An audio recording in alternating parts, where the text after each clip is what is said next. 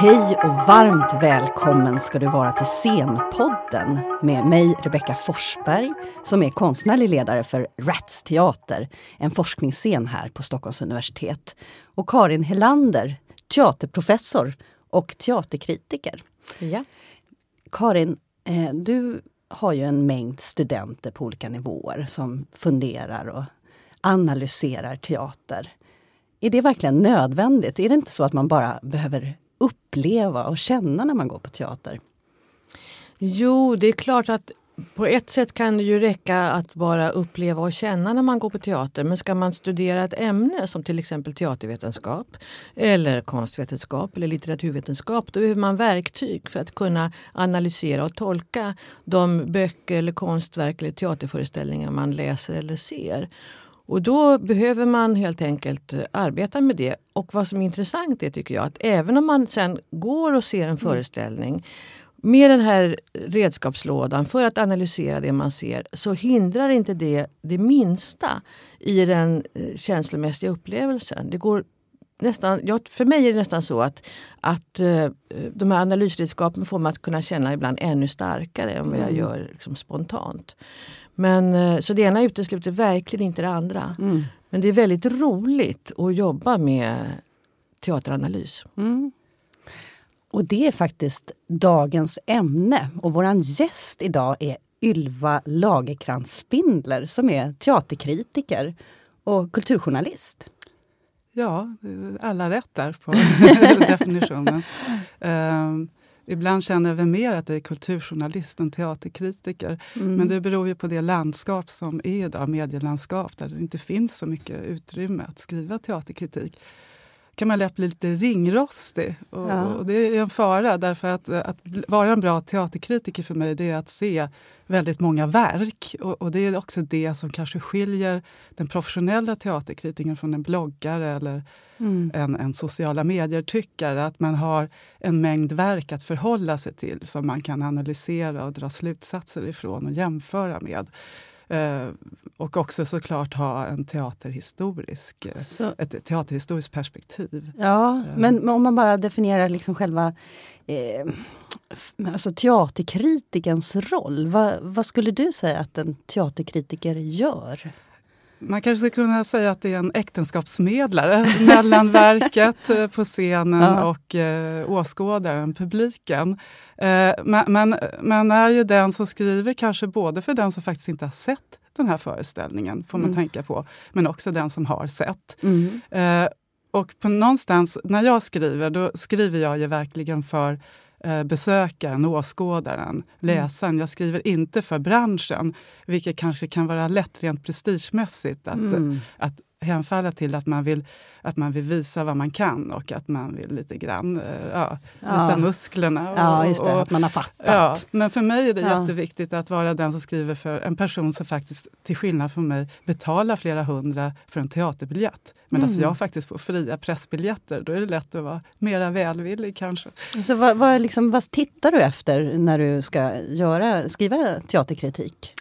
Um, du menar sett till verket? Då? Ja, om du ja, kommer ja. till teatern och sätter dig där och ska mm. se en föreställning. Vad är, det, vad är det du letar efter eller alltså, ser? Ja. Eller? Jag brukar börja med att tänka på intentionen. Vad är det den här gruppen eller den här skådespelaren, den här teatern vill och säger sig vilja med det här verket? Vad är det de, de hävdar att de ska sätta upp? Mm. Uh, och försöka utgå ifrån det. Lever de till att börja med upp till det. Mm. Vi ska tala om uh, menstruation och svårigheter att vara tonåring. Mm. Handlar det då inte överhuvudtaget om det, då, då kan jag ju börja någonstans där med en intention mm. kring uppsättningen. Det mm. vet inte jag om alla gör, men jag, för mig är det så. Mm. Sen brukar jag, är det ju jätteindividuellt beroende på vad verket handlar om. Är det ett verk som är samhällskritiskt så är det klart att jag tittar på på vilket sätt är det här, mm. Eh, den här uppsättningen samhällskritisk. Är den bara rent teaterhistorisk? Väldigt få är väl det, men ja, då mm. tittar man ju historiskt på, mm. på verket. Så du tar först liksom det där helhetsbegreppet om en, en ja, produktion? Jag tror det, att jag sätter det i en samhällskontext. Ja. Och i, i och eh, en kontext vad, vad, man har menat att man ska göra. Ja. Men sen börjar jag förstås att skala av själva verket och då sitter jag ganska nollställd och bara tar in. Ja, man, man, jobbar på något sätt på flera nivåer känner mm. jag. För ett är bara det intuitiva. Ja, vad, är det här bra? Upplever jag det här uh, att, att jag blir berörd? Jag tror att berörd är ett nyckelord för mig. Mm. Berörd behöver inte vara att jag gråter, men, men att jag berörd på något plan, att, att, att det händer någonting Men Man kan bli rädd och uppskrämd eller man kan Ja, att jag känner någonting, att jag inte bara går ut ilska. Och det kan också vara bra? Ja, ja, ja, berörd vilken känsla som helst. Mm. Det, det är ju en viktig aspekt för mig. Mm. Eh, men, men sen kan jag ju sitta så med laserblick och, och vara helt eh, logisk och tänka, tänka bit för bit i en uppsättning. Mm. Scenografi i förhållande till vad föreställningen berättar. Regi, regi är alltid svårast. Ja. Där blir det nästan en gissning. Man kan ju faktiskt till 100% inte veta vad det är som är rent regigrepp. Mm. Och vad som kanske skådespelarna har kommit in med för bagage. Hur mycket de har interagerat med varandra.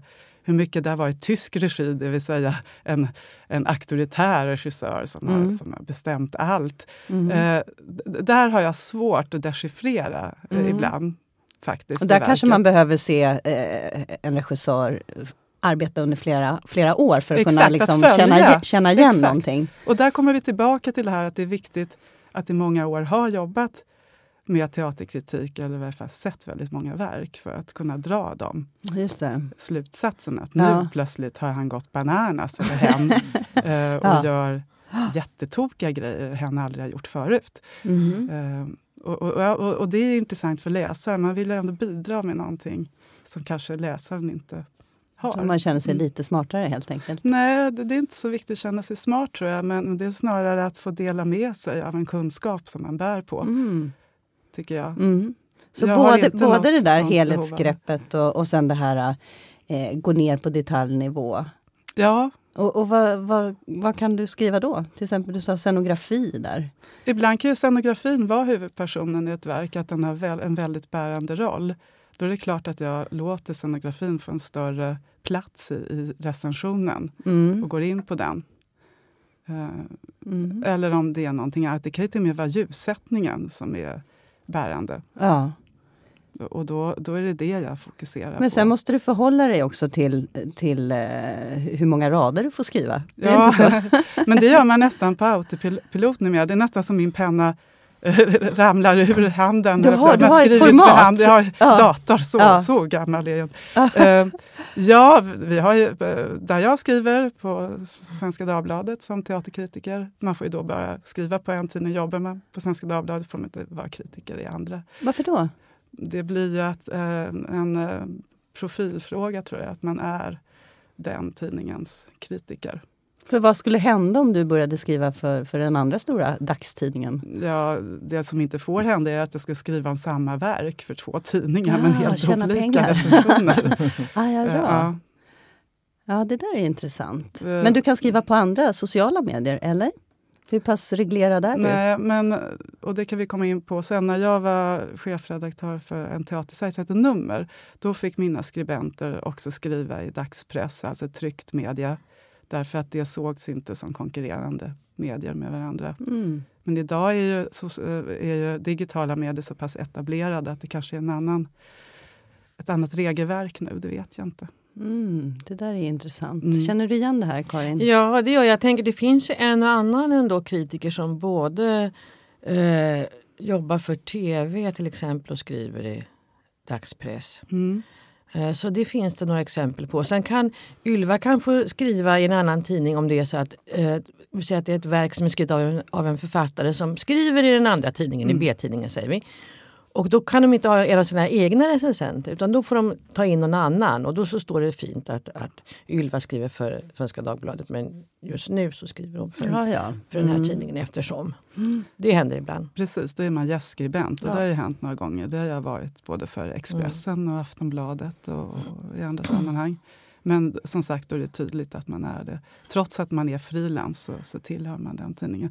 Därför att kritiken till det, det materialet är ju subjektivt och så pass liksom mm. starkt kopplat till uh, tidningens identitet. Hur kom du på att du ville skriva teaterkritik? Eller Ja, det- kritik överhuvudtaget, för du skriver även film och litteratur en del också. Jag har eller? gjort det tidigare om åren Mm. och konstkritik. Mm. Ja, det är inte så att man när man är liten säger mamma när jag vill- blir stor vill jag bli teaterkritiker. Eh, Utan eh, det var ju det var lite slumpen. Jag läste litteraturvetenskap först på universitetet och tänkte bli författare. Ja. men det har inte hunnit dit än. Men, men numera så debuterar man ju väldigt sent. Eh, och, och då började jag extra i garderoben på Dramaten. Eh, eh, för att min syster gjorde det också och staterade lite. Och eh, sen visade det sig för övrigt att jag hade en koppling till Dramaten. Jag är egentligen bonnadotter. Jag har vuxit upp på landet och helt oakademisk. Och såg inte min första teaterföreställning för jag var typ 18 år. Ja. Eh, men så hamnade jag på Dramaten och där jobbade, var faktiskt min morfars bror Einar Axelsson skådespelare i alla år. Och hans eh, pappa, då, morfars far, Konstantin Axelsson, jobbade med Strindberg och var teaterregissör. Och, Så du har pedagog. det någonstans? ja, men jag visste liksom. inte du, det. Du grävde Ja, fram det? Ja, och på mammas sida finns det resande operasällskap och Jaha. bohemer. Och så. Ja. Men, men då, plugg, då jobbade jag där i garderoben och då tänkte jag att jag ska plugga något nytt. Man är ju lite sådär i Mm. den där åldern. Ja, teatervetenskap låter roligt. Eh, och så bodde jag precis på Vittstocksgatan, väldigt nära Filmhuset, där teatervetenskapen låg. Så det var väldigt praktiskt också.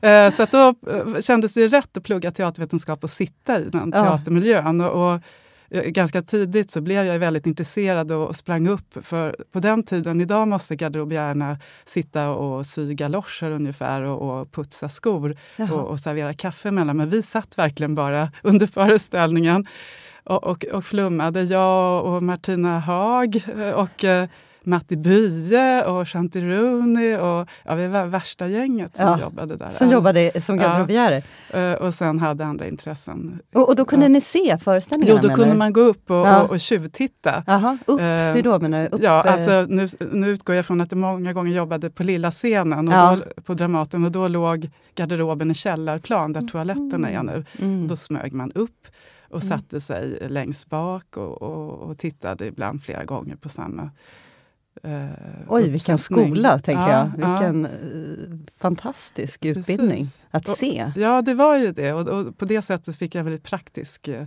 tillämpning på det jag läste. Ja. Och sen ganska tidigt blev jag, eh, blev jag också indragen i pressavdelningen och en tidning som startade på Dramaten som hette Dramat. Som dåvarande marknadschefen Birgitta Kristoffersson startade. Som var ett glassigt, lite glansigt magasin som också Mhm. såldes ute i vanliga pressbyråer och Vad distribuerades. vad skrev man i, Ja, då- i det där glassiga Då magasinet? fick jag göra, det var min eh, debut som eh, teaterskribent, för då fick jag göra tjusiga porträtt av Marie Göransson och Lena Endre. Och, och de nya på Dramaten som då var Elin Klinga, Melinda Kinnaman och någon till som jag inte minns. Men det var, alltså, då hade de precis börjat på Dramaten och jag fick göra de här intervjuerna. Personporträtten Ja, personporträtt fick jag göra. Inte kritik, men jag fick skriva om Ja. teater då. Det låter Eh. som du har haft en enormt praktisk eh, bakgrund. Alltså att du har jobbat dig in som teaterkritiker. Finns Ja. det någon utbildning annars eller är det så? Ja, Jag läste ju som teatervetenskap ut. som, sagt och då kom den, uh, the triggering point var att det kom en, eh, eh, en, en trevlig man och talade om hur det var att vara teaterkritiker. Och han hette Lars Ring. och han gjorde det på ett sätt så jag tänkte, mm, jag ville skriva och jag tycker om teater. Ja, men jag kanske ska skriva teaterkritik. Mm. Lars Ring är teaterkritiker på Svenska Ja, Dagbladet. ska vi förtydliga. Mm. Där jag då numera skriver ibland. Mm. Eh, Så att när jag läste teatervetenskap så började jag skriva om teater, även i en tidning som hette Gazett som Bobo Karlsson, som också drev Nöjesguiden, startade. Där skrev jag en så praktisk guide om teater som var olika betygssättningar om allt från toalett, bra, dålig, till gott kaffe i paus. Inte så mycket, jag minns inte att jag egentligen recenserade föreställningen, det var mer kringverket, hur det var att liksom vara på teatern, det publika rummet så. Ah. Det är också viktigt. Ja. Nej, men så att jag pluggade det, men sen började jag... Nu pratar jag bara på. ja, ja. Eh, Men, men sen skrev jag egentligen inte teaterkritik på flera år, utan först skrev jag filmkritik i Dagens Industri. Eh, och det var jättebra för då väntade jag barnen så här, man satt elva på förmiddagen i en, Mm. i en tom eh, salong. salong. och så på film. Mm. Eh, Eller såna tjocka DVD, eh, nej, VHS, VHS, som ja. man fick Mm. hem med, Mm. med, med, med posten. Och sen skrev jag konstkritik för olika tidningar. Så att, att jag kom in på teaterkritiken, nu blir det ett hopp här, för det, ska Mm. få, det var därför att 1999 så såg jag en liten obskyr annons i någon dagstidning om att Riksteatern sökte en chefredaktör för någonting som skulle kunna bli digital... Eh, vad var det? det var jätteroligt uttryckt. Något eh, internet... Eh, internettidning. Ja, det var nästan jätte, någonting som det inte heter. Tidning på webben. Ja. Ja, precis. Eh, och då sökte jag och fick det jobbet. Mm. Så om man tittar bara på teaterkritikens eh, bana för dig så har det Mm. varit mycket att titta på teater, att läsa teatervetenskap Mm. och filmvetenskap eller var det bara teater? Jag läste aldrig filmvetenskap, men konstvetenskap. Ja. Ja. Men sen det steget till att faktiskt uttrycka en åsikt eller eh, liksom ta sig den rätten att faktiskt tycka någonting Mm. om det, ett stort verk som görs. Hur, var det oproblematiskt för dig? Nej, därför att det föddes nog mer ur en kärlek. Jag kände alltså en passion till teaterkonsten och en beundran över människor som ägnar så mycket tid av sina liv åt att faktiskt ge oss i publiken någonting. Eh, Och därför så ville jag vara den här förmedlaren som kunde berätta om det jag såg på scenen. Så det började mera kanske ur kärlek än kritik. Vilket eh, Mm, det är intressant, för ja. jag tänker eh, liksom när man hör teaterkritiken kommer Mm. så, så finns det ju en viss skräck där. Att man tänker nu kommer vi bli sågade med fotknölarna. Eller, eh, äh, det, det betyder ju väldigt mycket vad som skrivs Mm. om det man gör. Hur, jag tänker Karin, hur, hur är det att skriva eh, kritik och veta om att det finns en sån fruktan? Jag tänker ni båda två kan ju ha Alltså någon man kan inte det. tänka på det. Och sen tänk, det ser också olika ut eh, var man skriver och vem man är som skriver tror jag. Det är liksom olika grader av legitimitet och tyngd bakom orden. så. Vissa eh, tidningar väger mer än andra. Men man kan ju inte tänka på det när man skriver så. Däremot kan man ju tänka på att man har dels en slags ansvar för vad man skriver om människor och konstnärliga processer och konstnärliga verk. Och att man har en integritet som man försöker hålla. Eh, Men man kan ju inte... Man är medveten om att det finns en kulturpolitisk eh, aspekt också på det såklart. Att de, en liten grupp med små resurser som gör en uppsättning och som kanske alla skriver ner får väldigt svårt att få nya pengar kanske. För och få kommande dit produktioner. Ja, och få dit Mm. publik. Så att det, man har ju ett ansvar eh, och det vet man. Men sen kan man inte tänka för mycket på det. Nej, men du sa någonting det där med att man kan kanske ma- man måste ändå kunna möta en ja, person. precis. Jag brukar tänka att jag måste kunna Alltså Kultursverige, Teatersverige är ju inte så vansinnigt stort. Så jag brukar tänka att jag måste kunna, jag skriver så att jag kan möta den personen jag har skrivit om på gatan dagen därpå utan att behöva byta trottoar. och det har med liksom en slags ansvar och integritet att göra. Och det gäller ju även om jag tycker att det är en eh, kass uppsättning och liksom eh, dåligt och undermåligt. Så måste jag ändå kunna formulera mig på ett sätt som jag kan stå för om jag träffar Mm. personer bakom produktionen. Det träff- eh, också inför läsarna. Eh, Så tycker jag. Har du samma tankar där kring vad man säger eller vad man skriver? Ja, alltså man kan ju aldrig tänka på att, att man, man kan ju aldrig ha eh, producenten av eh, uppsättningen framför sig, eller alltså de som gör verket. Men sen kan man ju recensera med olika glasögon. Jag vet inte om det var det du var inne lite på, men går jag på en ung grupp som, som sätter upp sin första produktion, då kan ju inte jag recensera dem på samma sätt som jag recenserar en, en Dramatenuppsättning Mm. som har eh, miljonbelopp i statligt offentligt eh, Mm. eh, bidrag och har ett, ett uppdrag, ett nationellt uppdrag för vad de ska sätta upp. De, det, det, blir helt två olika slipningar på glasögonen. Eh, En ung grupp som sätter upp någonting för första gången, då kan jag ju snarare leta efter en potential och att jag Mm. ser liksom, Mm. lite försöker se framåt, Mm. mm. alltså siande om Fast det måste ändå vara tydligt tänker jag. För att man kan ju inte heller Jag håller med dig. Man, mm. man, man ställer andra krav ja, på en institutionsteater med mycket pengar mm. jämfört med en ny fri grupp eller en grupp som inte har så mycket. Men man kan ju inte heller liksom mörka eller liksom luras. Man måste ju hitta sätt. Och det, är det, mm. det försöker man göra då. Mm. Att som du visa på en potential men också att det framgår att det här är inte man kan ju inte liksom lura dit folk som betalar biljetter och så tänker man, men vad, är det här nu då? För konstigt, varför skriver hon sådär konstigt? Ja, ja. Uh, så att det, det, är ganska intrikat ibland. Man får mm, liksom verkligen mm. väga sina ord. Men absolut, det är väl snarare vad man väljer för vok vokabulär ja. och vad man väljer att inte säga. Kanske. Eller, men man får inte, som du säger, självklart är det fortfarande hela tiden eh, besökarna, åskådarna som, mm. som är mottagarna. Mm. Eh, jag bara tänker att, att man måste sätta, och nu använder jag ordet kontext ofta, känner jag, men sätta eh, mm. teatern i en kontext av vilka som står bakom. Sen är det ju en oerhört orättvis relation i det att eh, en grupp eh, har hållit på med en föreställning i månader, kanske ett år, och jobbat. Och sen kommer man som kritiker eh, samma kväll, en mm. kväll, mm. ser produktionen, ska lämna text samma natt. Mm. Om man jobbar på Aftonbladet är det innan klockan 12 mm. Oj. på natten. Ja. Ja, och om det slutar 11 har man då en timme på sig. Oj. Eh, vi har det lite bättre, kan lämna nästa morgon, men mm. ändå att man antingen sitter uppe på natten eller går upp fyra på morgonen. Mm. Eh, och det är klart, det är en diskrepans där mellan verket och mm. kritiken mm. Eh, som är rent tidsrelaterad. Mm. Liksom. Det tänker jag ofta på, att det mm. blir en orättvis... Men du har ju också arbetat mycket med, med att tänka nytt kring eh, kritikens roll och eh, jobbat med deltagande från publiken. Kan ja. du inte berätta om varför varför det är viktigt?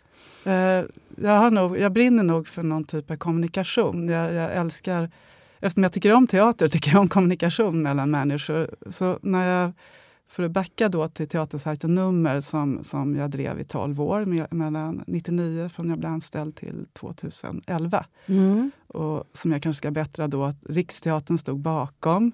Eh, men eh, sajten var oberoende rent redaktionellt. Eh, så att jag jag drev en oberoende journalistik, men de stod som finansiärer bakom. Just det. Och det, varför de kunde göra det är för att de har en främjande, ett främjande uppdrag också, att främja scenkonst i hela Sverige. Och är ju faktiskt i konstruktionen i ideell förening. Ja. Så att eh, de är ju inte en teater i sig, utan Nej. ska liksom främja rikstäckande intresse för scenkonst. Mm. Så det här var en rikstäckande nyhetssajt för scenkonst. Och där Uh, och det här var ju lite i begynnelsen av, av uh, nättidningar. Hade ju funnits lite grann i mitten av 1900-talet och fram. Men i teatervärlden fanns det inte en enda tidning på nätet. Uh, så att det var en pionjärverksamhet som gav väldigt mm. många möjligheter mm. att experimentera. Mm. Och det första jag tänkte på var ju såklart att Gör man tidning på nätet så har man ju den här fantastiska möjligheten att ha en dialog mm. med sina läsare mm. eh, direkt. Det var mm. innan trollen smög sig in i, mm. ja. i samhället. så att det, jag byggde in de möjligheterna. Till exempel med recensioner så, kunde, så fanns det något som hette motrecensioner. Alltså läsarna kunde själva skriva en, en, en recension. Mm. Eh, jag eh, gjorde också sådana experiment som publikpaneler. Att jag att jag bjöd in eh, vanliga, vanliga människor mm. i en panel. Och vi gick tillsammans då med en kritiker på en föreställning och sen satt efteråt och pratade om den. Mm. Och så skrevs detta ner. Och eh, det var innan man kunde spela in poddar. Så ja, ja, så samtalet ja, skrevs? Ja, ja, blev en, ja. en, en sån. Ja. Ibland kunde det vara expertpaneler, så fanns det, var det en föreställning, uppsättning som handlade om någon juridisk aspekt så kunde det vara advokater, mer mm. jurist. Va, vad gav det, det dig och läsaren tror du? Jag tror att det gav en o, olika perspektiv och, och att man fick liksom utifrån perspektiv på, på en uppsättning och inte bara kritiker. Ja, och jag vet ju att nummer var ju en sån där, vad, vad skriver nummer? liksom när, när jag själv jobbade i olika fria grupper så var man alltid intresserad av vad mm, nummer mm, skrev. För att man mm. kände också att det fanns någonting eh, fräscht i det. Ja, och det fanns det, en seriositet liksom, och en, en ja. nyfikenhet som var eh, spännande.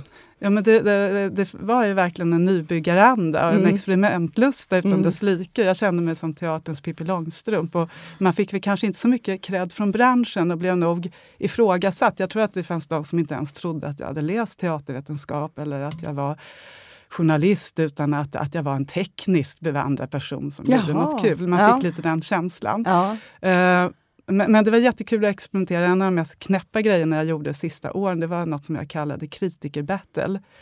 eh, och då, det utgick ifrån, jag var ganska spontan i vad jag drog igång, då var det att eh, jag tyckte att folk brukade säga att kritiker tycker så likadant, de talar nog ihop sig och det är konsensus och sådär. Ja. Då tänkte jag, nej, man kan faktiskt tycka helt olika också. Mm. Eh, och Eh, dessutom så ville jag lite grann bygga på det här att eh, kritiken blir mer och mer direkt på nätet. Och hur kan det vara optimalt direkt? Jo, man låter kritikerna mötas direkt efter Mm. en föreställning Mm. i foajén Mm. och live-recensera, vilket satte förstås stora krav på de stackars kritikerna som skulle verbalisera muntligt. Ja. Man ofta skriver ensam på sin kammare, skulle man nu stå inför en publik och direkt liksom. Ja, jag tänker också Ja. att det blir en annan... eh, Alltså att det finns ju någonting som mm, det där med eftertänksamheten. Mm. Eh, Mm. som- Eftertankens som-. Ja, att det finns någonting positivt i att man upplever och sen är det Ja. ett litet mellanrum när man hinner smälta och sen Ja. eh, skriva. Fast Men- jag tänker, jo, det, det stämmer ju, det är det ju. Man sitter ju och filar på sina formuleringar jättemycket. Men ofta är det ändå så, tänker jag, att jag att de här första starka intrycken man har, det är de som ändå blir liksom, sen, Mm. mer eller mindre Mm. välformulerade då. Men att det är det, det är det som blir recensionen, att det man går ut med från salongen, det är ändå så pass starkt så att det är liksom eh, Det är det som, det är, det som, som är ja, grunden ja. ändå. Mm. Och ibland tänker jag också, ibland, oftast måste man ju då lämna på morgonen men någon gång kan det hända att man inte behöver det, man kanske har ett dygn till på sig. Det blir liksom inte bättre om man sitter och väntar eller skriver lite längre eller så. Utan pang på, skriv, för Ja. det är då det lever. Så Mm. på det sättet så, Mm. så tänker jag att kritikerbattle är ju kul. Ja, Sen ja. klart att vissa formuleringar kanske man inte hittar lika snabbt. Men, Mm. ja. Men det här Det med att ligger man, att man pratar och frågar, frågar publiken om vad de tycker. Är, blir det inte ett allmänt tyckande då? Jag menar krit, kritikerns roll är väl ändå att ha, kunna dra de här stora linjerna och parallellerna som, som ni pratar om. Det kan ju vara i ett samspel. Det var det här. Då var det, första gången var Johan Hilton, kvällspress, Expressen versus Jenny Aschenbrenner som då jobbade på DN. Eh, och de, eh, då, då, då möttes ju de som är eh, kompetenter så här, och, och lärrecenserade. Sen på slutet så släppte man in publiken att, få- att få fråga och tycka. Mm. Så de var inte med från början. Mm. eh, till exempel.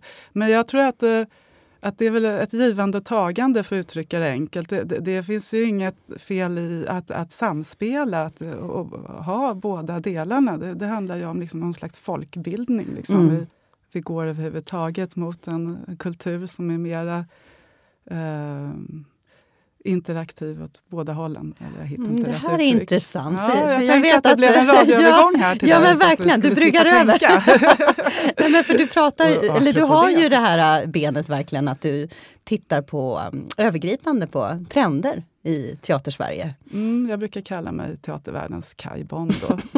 Så kanske inte den yngre generationen vet vem det är, men en, mo- mode, en modetrendare. Ja, Eh, det kan synas ytligt, men det är ganska viktigt tycker jag att eh, koppla ihop tendenser. Ett Mm. finare ord kan ju vara tendenser och inte trender. mm, Trender kanske uppfattas som ytligare. mm. Men om du Mm. trendspanar, alltså du kan ju trendspana både på scenkonstområdet men också just kritiker Mm. eh, landskapet. Hur, nu finns ju inte nummer längre. Eh, vad, finns det för, vad finns det för efterträdare till nummer och hur tror du framtiden kommer att se ut på både eh, de nya rösterna på sociala medier i relation till de äldre media? Eller hur, hur ser det Mm. ut och vad tror du kommer hända? Det är delvis en svår fråga. Eh, Det händer inte så mycket som jag hade hoppats. Men, men en efterträdare lite grann till nummer tycker jag är Scenkonstguiden som jobbar så som jag nog hade velat om jag hade fortsatt med Mm. någonting som var nummer. Som jo- jobbar väldigt eh, interaktivt med sina besökare, som har en podd och som, som, som har eh, eh, jätteroliga genreindelningar på vad, vad, vad scenkonst är. Annars så är det ju ganska skralt eh, med eh, man hade trott att det skulle starta flera sajter. Däremot så är det ju rätt många poddar.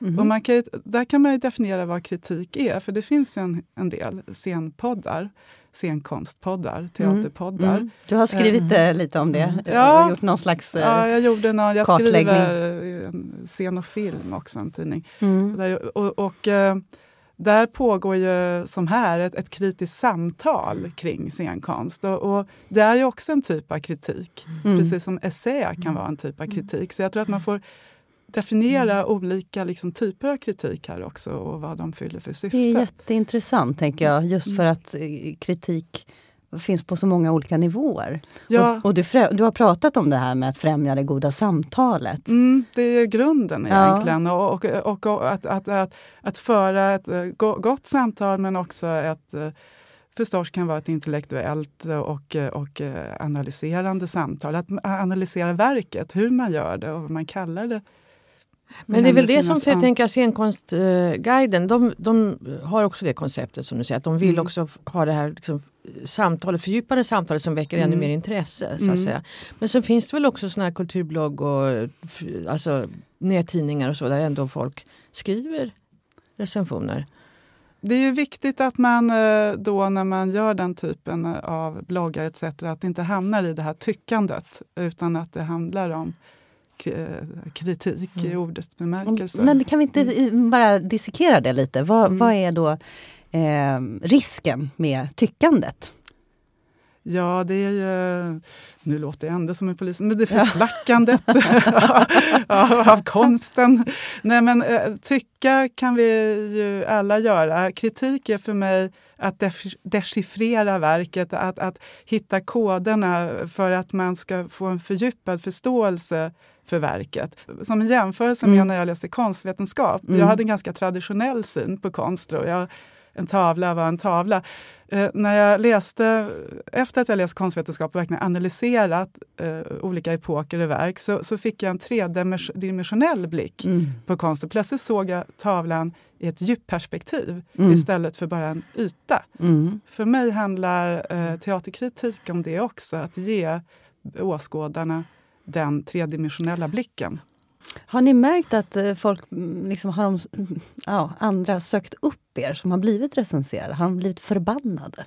En och annan gång, men där finns fortfarande också en, en oskriven regel mellan de man skriver om och de som, eh, som skriver att man ska inte ta kontakt med varandra. Faktiskt har det bara hänt mig sen jag började på Svenska Dagbladet mm. en gång. Och mig har det hänt några mm. gånger. Eh, och det kan vara lite olika. Del, dels kan det hända att folk man har skrivit om har blivit arga. Men de, det kan man ibland få höra i, i andra hand. Eller så har man tagit kontakt direkt en enstaka gång. Sen kan det också hända att man har skrivit eh, ner någonting som man inte tyckte var bra. Att det kommer fram personer som har varit med i produktionen och nästan tackat för de tyckte inte heller att det var bra. Och det var skönt att det blev sagt. Eh, och det kan också hända att man får mejl av läsare som tycker eh, olika saker. Som jag alltid försöker svara på. så. Mm. Men mm.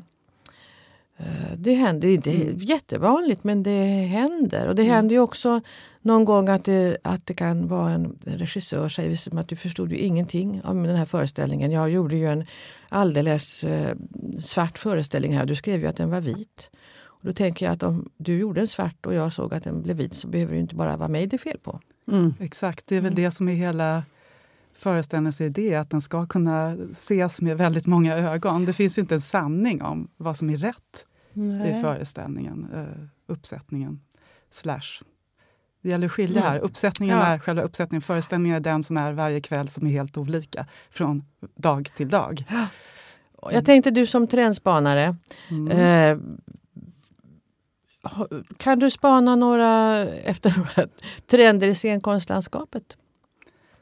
Ja, just nu sitter jag och skriver på en bok så jag ser inte så mycket teater som jag brukar göra.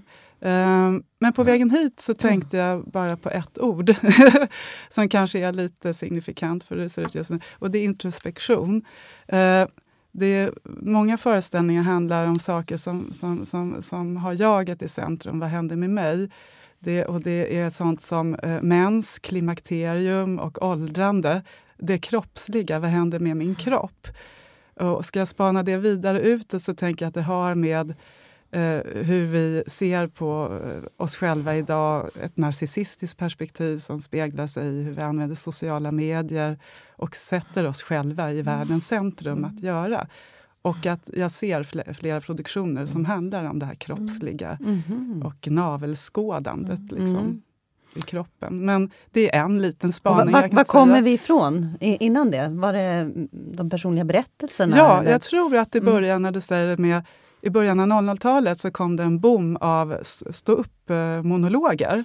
Eh, där man också kan ha ett genusperspektiv för övrigt. Mhm. Män, unga män och kvinnor som inte tyckte kanske att de fick en plats på scenen. Då tog de saken i egna händer och satte upp en egen monolog. Mm. Eh, det kunde vara allt från Lo Kauppi, Bergsprängarens dotter, till, till eh, Marcus Birro.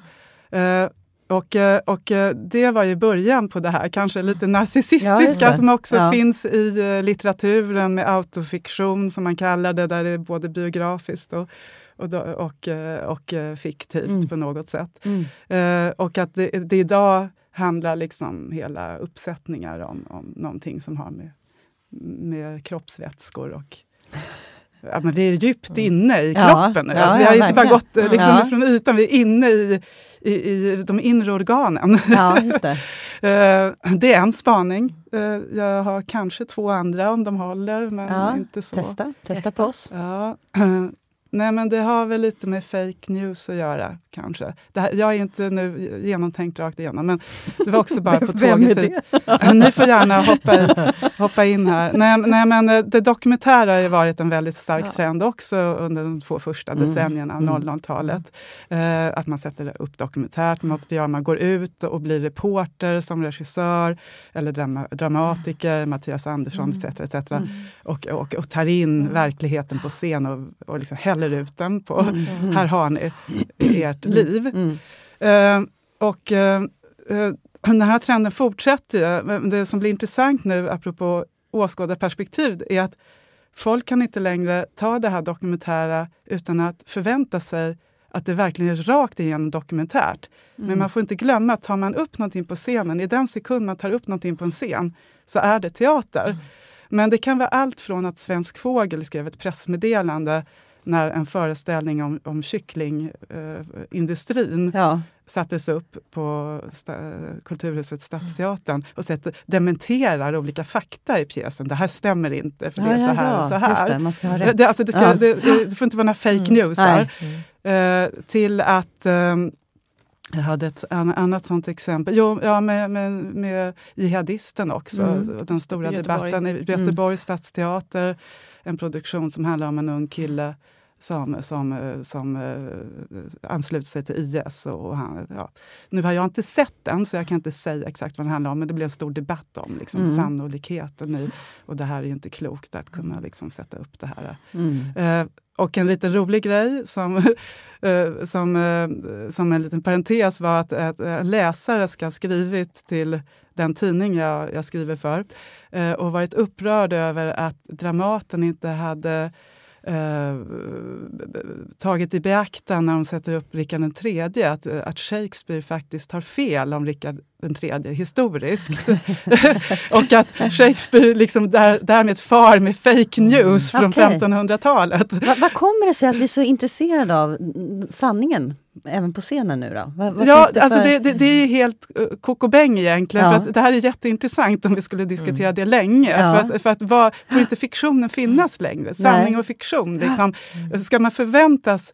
Ska, ska vi som teaterkritiker börja skriva recensioner där vi också blir, re- gör research kring Ja, sanning? faktakollen. Faktakolla liksom, längst bak. uppsättningar. Strindberg, giftas. Ja, Ja. men vad, sa hon verkligen så? Ja. Och hur var den med Harriet Bosse? Och, Man och känner så? sig blir orolig, man- man vill inte bli lurad. Nej, Det då blir någonting. det grävjournalister istället Mm. för teaterkritiker och då, Mm. då, då, då snurrar ju liksom... Mm. Hade du en, en till? Jag tyckte du sa två trendspaningar. Fake news, introspektion. Det tredje är nog för flummigt. Det är bara utifrån det jag har sett och nu har jag mest sett saker i Stockholm. Shoot, Ylva. Shoot, vi tror det här är spännande. Ja, men jag har inget svar på det, så ni får ge mig svar. Ja, ja, ja. Det, det, det Ja. är liksom en halvspaning. Ja. Barn på scen.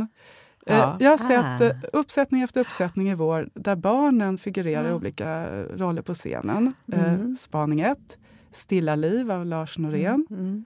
Jättemånga barn första gången han jobbar med barn Mm. på scenen, Mm. om än stumma. Här.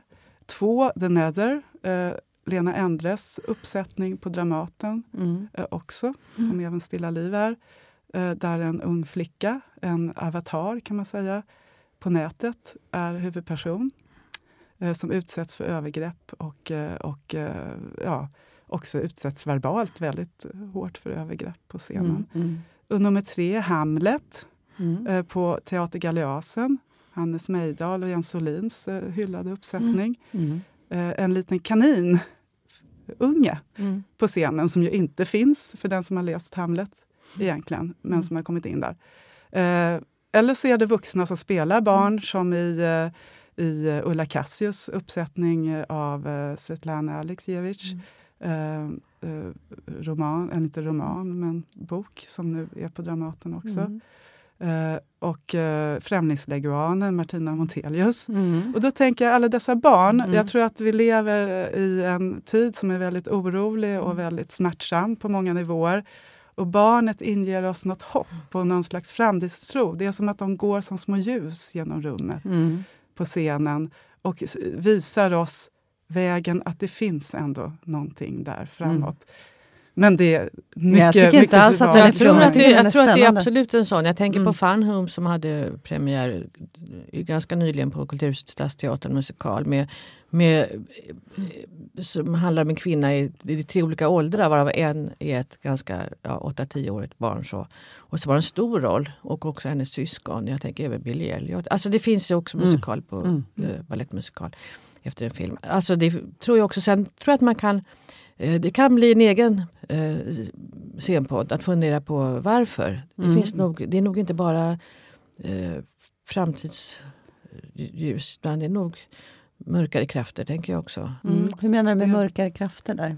Nej, men att, att ofta är barnet, om man tittar historiskt på barnet i kulturen, det har funnits barn på scenen tidigare också. Men då har det ofta varit lite gladare till Lignemusikaler och sådär. Mm. Men, men ofta är ju barnet liksom symbolen för framtidstron, för, för hoppet, för ljuset, för Mm. så. Eh, Susanne Oster har använt barn på scenen förresten flera gånger, slår det mig nu.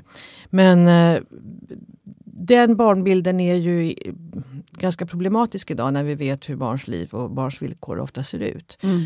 Så att den barnbilden utmanas av många andra bilder av barn och barndom. Och det är väl också det som gör avtryck på scenen, tänker jag. Mm. Ja, men det är jätteintressant och det här är ju ditt specialområde. Men precis det här kavata, checka barnet och kompetenta barnet som sen kom senare har nu ersatts av ett barn, när jag tänker på The Nether och, och, och barnet som utsätts för övergrepp på nätet och, eh, och i Hamlet där kaninen står Mm. för någonting Mm. också mörkt så, Ja, så är det ju snarare verkligen. det utsatta Ja, barnet. ja. Absolut, och inte alls hoppet. Nej. För övrigt heter, heter Ulla Cassius uppsättning De sista Ja, vittnena. precis. Och då är det vux, gamla, de äldsta skådespelarna på Dramaten som Mm. spelar barnen. Mm. Och deras inre barn är det som Svetlana säger att de ska ta fram.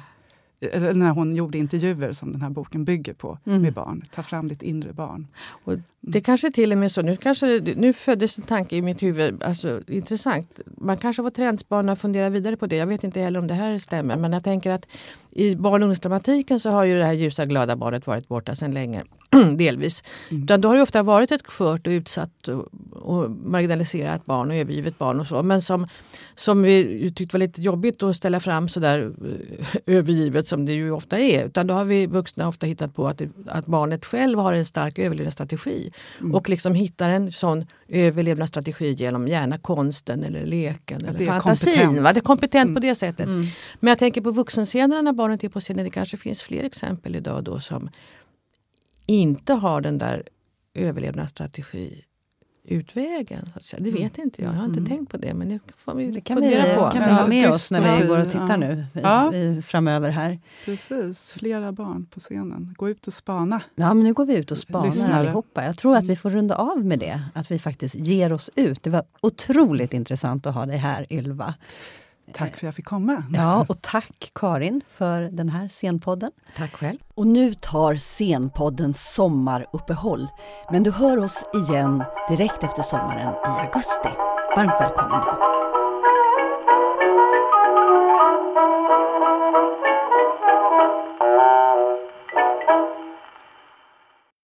Du har lyssnat på Scenpodden, en podcast från Rats Teater och Humanistiska fakulteten vid Stockholms universitet. Podden spelas in på Språkstudion och tekniker är Henrik Nordgren.